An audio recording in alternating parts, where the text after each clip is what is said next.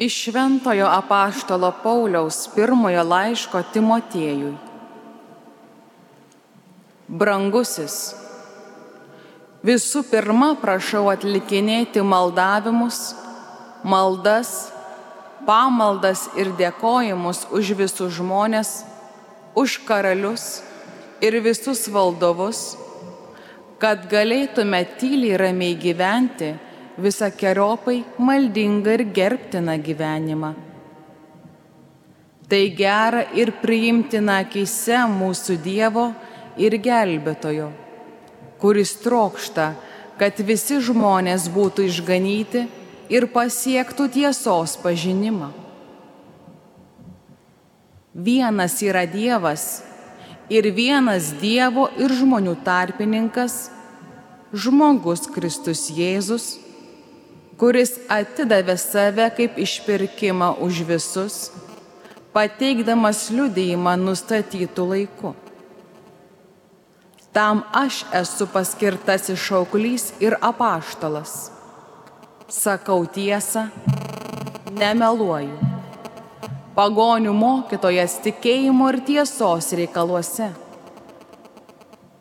Aš norėčiau, kad vyrai visur, kur melsis, keltų aukštyn tyras rankas, be pykčio ir nesantaikos. Tai Dievo žodis.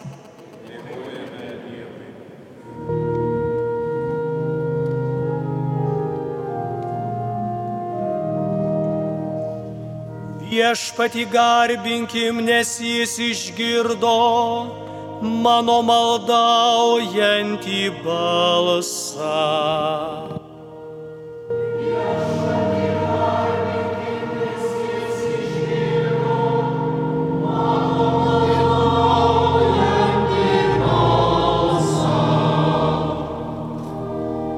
Išgirski mano maldavimo balsą, kai tavęs šaukiuosi kai tiesiu aš savo rankas į tavo šventus švenčiausią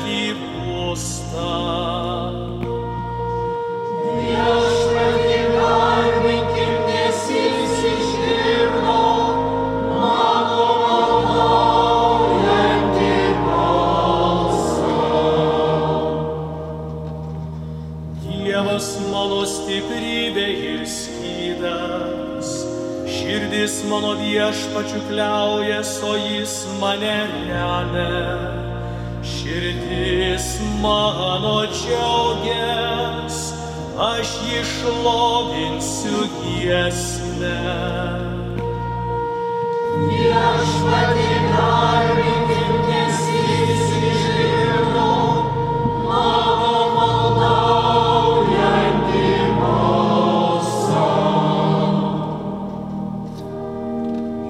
savo tautos tikroji stiprybė, savo patektajam išganinga tvirtovė. Viešpatie padėk savo tautai, paveldą savo palaiminganik ir amžiais globokit. Viešpatie garbinkim,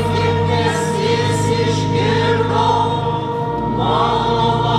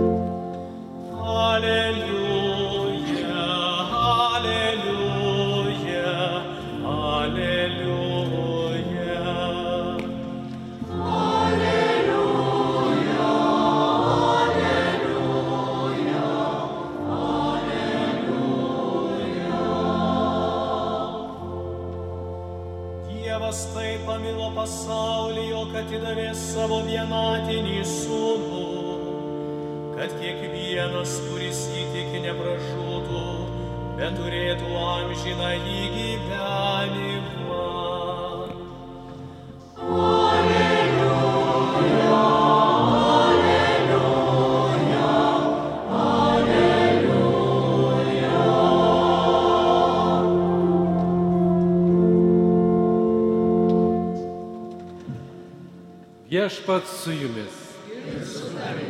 Iš Šventojios Evangelijos pagal Luką. Anuo metu, baigęs visus pamokymus klausytojams, Jėzus sugrįžo į Kafarnaumą.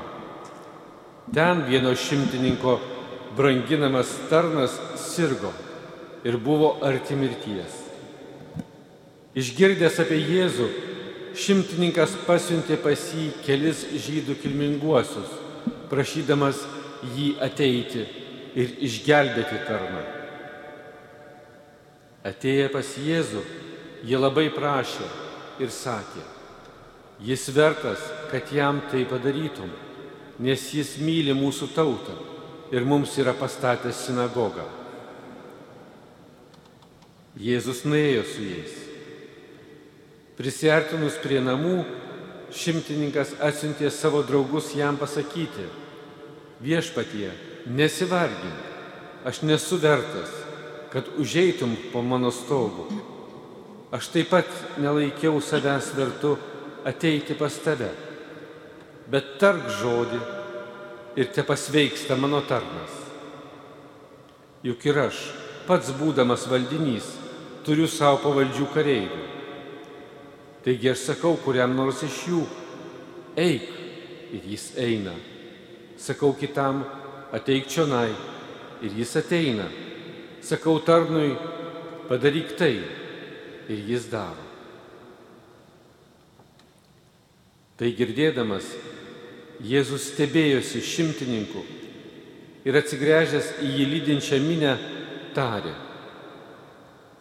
Sakau jums, Nei Izraelyje neradau tokio didelio tikėjimo. Sugryžę į namus, pasistieji rado tarną pasveikusi. Tai viešpatie žodis. Žiūrėk,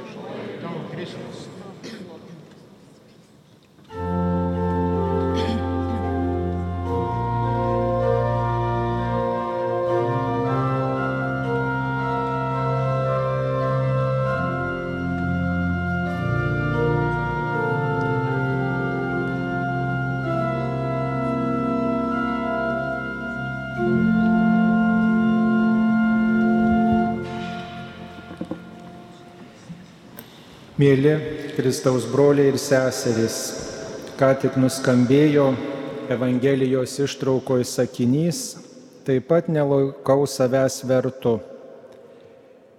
Šitus žodžius nekarta skaitė, juos vertė ir šiandien mūsų minimas pagerbiamas arkivyskupas Juozas Jonas Kvireckas, kurio 150-asias gimimo metinės minime kai rinkosi savo pašaukimą, kunigystės pašaukimą, taip pat svarstė, nes buvo kilęs iš gausios vargingos šeimos ir nebuvo lengva siekti kunigystės žmogui iš mažažemių, iš dešimt vaikų šeimos, tačiau kadangi labai buvo gabus mokslams, troško žinių, buvo nutarta šeimos vyriausiai įleisti kunigystėje.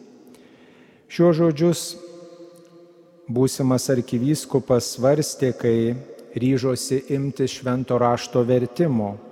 Nelaikė savęs vertu, visada galvojo, kad galbūt yra gabesnių ir labiau įsilavinusių, kuriems tiktų šitas darbas versti šventą įraštą į lietuvių kalbą.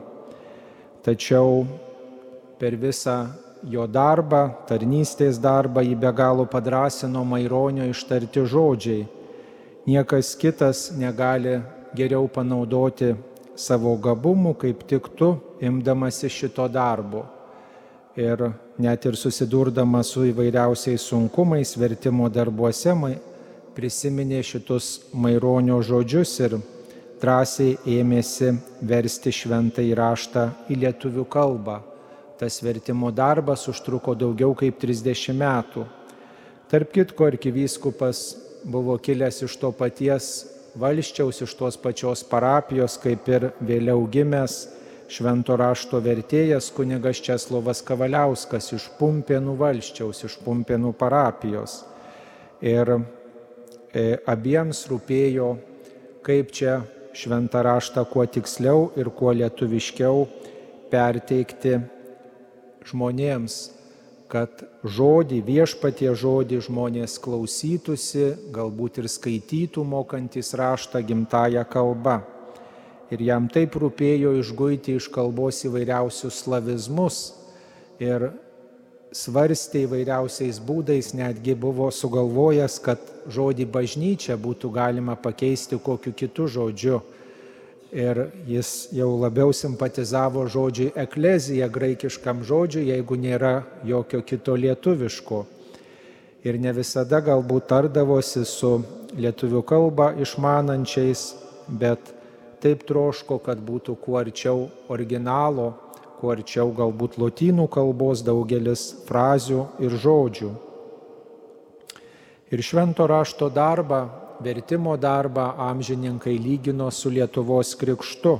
Sako, lygiai tiek pat, gal net ir daug daugiau brandintas užmojis šventai raštą išversti į lietuvių kalbą. E, tai toks pat užmojis tarsi iš naujo naujai atnaujinti Lietuvos krikštą, nes taip svarbu išgirsti Dievo žodį gimtają kalbą įgytos žinios ne tik seminarijoje, bet ir Petrapilio akademijoje, kruopštumas ir gabumai paskatino palinkti prie šventojo rašto. Arkivyskupo pirmieji kunigystės žingsniai praėjo Ukmergėje 1901 metais ir vėliau buvau paskirtas talkinti e, kurijoje vyskupui Gasparui Cirtautui, vėliau Pranciškui Karevičiui ir 1919 metais paskirtas tituliniu Ceramo vyskupu ir Žemaičių vyskupo pagalbininku. 1919 metais jo konsekracija šitoj katedroje buvo pirmoji konsekracija, vyskupo konsekracija nepriklausomoje Lietuvoje. Ir jam prireikė daug įvairiausių diplomatinių žinių ir sumanumo, rūpinantis bažnyčios reikalais ir rūpinantis, kad Lietuvos universiteto teologijos filosofijos fakultetas būtų pripažintas ir paties popiežiaus, taip pat dalyvavo ir rūpinosi steigiant Katalikų mokslo akademiją. Ir aišku, vienas didžiausių užmojų tai Lietuvos bažnytinės provincijos steigimas kai buvo steigiama kartu su palaimintu Jurgiu Matulaičiu, teko jam atlikti įvairiausius darbus ir 1926 metais, balandžio 24-ąją, jis buvo paskirtas Kauno arkivyskupų metropolitu, pirmuoju Kauno arkivyskupu ir pirmuoju lietuviu. Tai tikrai toks išskirtinis žmogus, kuris buvo bažnyčios hierarchų priešaky. Ir tokie didžiausi jo kaip arkivyskupo metropolito užmojai tai surinktas pirmasis Euharistijos kongresas 1934 metais, taip pat pirmasis sinodas pastatyti naujieji arkivyskupo rūmai, kurie ir dabar tarnauja tiem patiems reikalams, kuriems ir buvo kadaise pastatyti.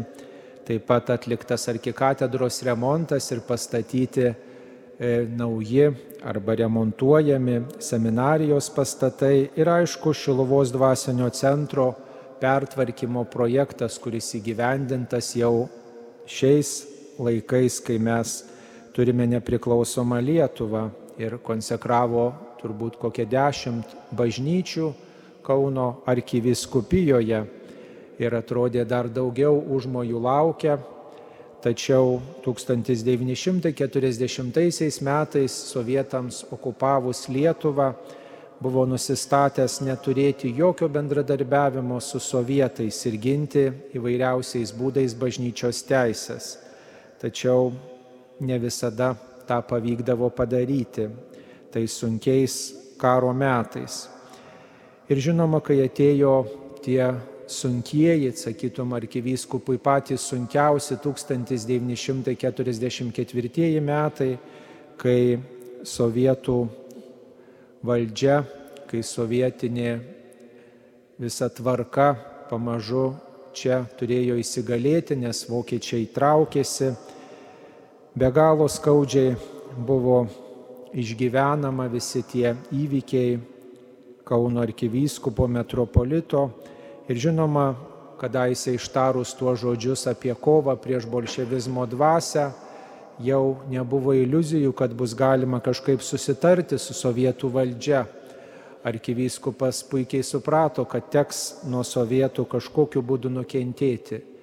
Ir buvo gestapo, vokiečių gestapo spaudžiamas keletą kartų trauktis iš Lietuvos ir net slapstėsi, e, kad nebūtų pasiektas, kad e, negalėtų jo pasiekti gestapas, tačiau vis dėlto galiausiai buvo priverstas išvykti iš Lietuvos po slapstymosi, po įvairiausių svarstymų ir tas pasitraukimas jo buvo skaudžiai išgyventas, daugelis jį vadino pabėgėliu jo šitas pasirinkimas sulaukė daug apkalbų, priekaištų už akių ir į akis, tačiau pats žmogus save laikė visą gyvenimą tremtiniu. 14 e, berots metų pragyveno po pasitraukimo, 15 metų pragyveno kaip tremtinys, tegul ir ne sovietiniai sovietiniuose kraštuose, bet Austrijoje e, Innsbruko vyskupo globojamas, tačiau visada išgyveno šios arkiviskupijos ilgesi. Ir žinoma, ten kokį dešimt metų būdamas tremty, kaip jis pats sakydavo, turėjo galimybę atsidėti, peržiūrėti švento rašto vertimą, ir atnaujinti šitą, pasir... šitą darbą. Ir tai buvo, kaip jis pats sako, tikroji mano gyvenimo laimė ir džiaugsmas. Ir atnešė daugiausiai džiaugsmo, nors ir buvo sunkus darbas, bet niekas kitas tiek daug džiaugsmo ir laimės negalėjo duoti, kaip šis darbas versti šventą įraštą. Žinoma, turėjau galimybę lankytis pa šventai tėvą ir gauti žinių iš Lietuvos, tai informuodavo popiežių apie Lietuvos padėtį, apie tai, kad čia persikiojamas tikėjimas. Ir žinoma, taip pat prisidėjo prie lietuvių kolegijos Romoje steigimo ir savo įvairiomis lėšomis, kurias turėjo ir santaupas, skyrė bažnyčios reikalams. E, buvo be galo atsargus visą gyvenimą, tylus ir uždaro būdo ir kartais patiklus, galbūt pasitikėjo tai žmonėmis ir rėmėsi, kurie kartais galbūt jį apgaudavo. Ir vis dėlto vertinamas kaip tas žmogus, kuris buvo mokslo žmogus ir ganytojas, kuriam rūpėjo įvairiais būdais, kaip palaikyti, padėti ir padrasinti kunigus ir tikinčiuosius, kuriems buvo skirtas kaip ganytojas. Dar iki šių dienų išliko išlikęs altorius, kurį e, pats arkivyskupas savo rankomis yra padaręs Kauno kunigų seminarijoje. Prie to altoriaus kunigai ruoždavosi šventų mišių aukai ir aišku, žinom apie jo pomėgį sodininkystėje, turėjo sukaupęs prie e, Kauno didelę vynogių kolekciją kuri sovietams užėjus buvo suniokota, kaip ir visas jo dvaras, kurį tikėjosi palikti arkiviskupijai, arkiviskupijos reikalams. Aišku, įvairiai galima vertinti jo veiklą, istorikai mėgina įvertinti, aišku, nenuneigiamas nuopelnas jo švento rašto vertimas, tačiau tas pasitraukimas, sako, štai kiti nesitraukė, paragavo lagerio dalios, buvo kankiniais, o jis štai pasitraukė bet ne vienas iš mūsų ne, nebuvom jo kailyje, ne vienas iš mūsų neišgyvenom to, ką jis išgyveno. Ir tiesiog tik vienas Dievas mato žmonių širdis ir vienas Dievas gali būti teisėjas. Svarbu mums laikytis tikėjimo, kad viešpats Dievas, vertindamas mūsų gyvenimo istoriją ir taip pat vertindamas bet kurio kunigo, vyskupo nueitą gyvenimo kelią, galėtų išvelgti tikėjimą, kaip ir Evangelijoje sakoma tam pagoniui, šimtininkui, niekur neradau tokio tikėjimo, kokį tu turi maždaug. Tai tas didis tikėjimas, kad ir kokiom aplinkybėm būtų mūsų gyvenimo istorijoje, kad ir kur mus viešpats nublokštų, kad ir kokios aplinkybės, nepritekliai ir sunkumai mus ištiktų, taip svarbu išsaugoti gyvą tikėjimą, gyvą viltį, kad Dievas yra bet kokiom aplinkybėm, kad Jis nepaliauja rūpintis mumis ir kad mes iš tiesų bet kokius pasirinkimus darytume maldos nuotaikoje, darytume apsvarstę savo pasirinkimą būti aktyviu, drąsiu krikščionimi ir niekuomet viešpaties neišsigintume, norėdami kuo geriau panaudoti savo gabumus, savo žinias didesniai Dievo garbiai. Viešpatie, duok mums gyvą tikėjimą ir šiais laikais, kurie taip pat yra neramus ir viešpats duoda patirti įvairiausių iššūkių, kad mūsų tikėjimas būtų tvirtas ir mes niekuomet tavęs neišsigintume. Amen.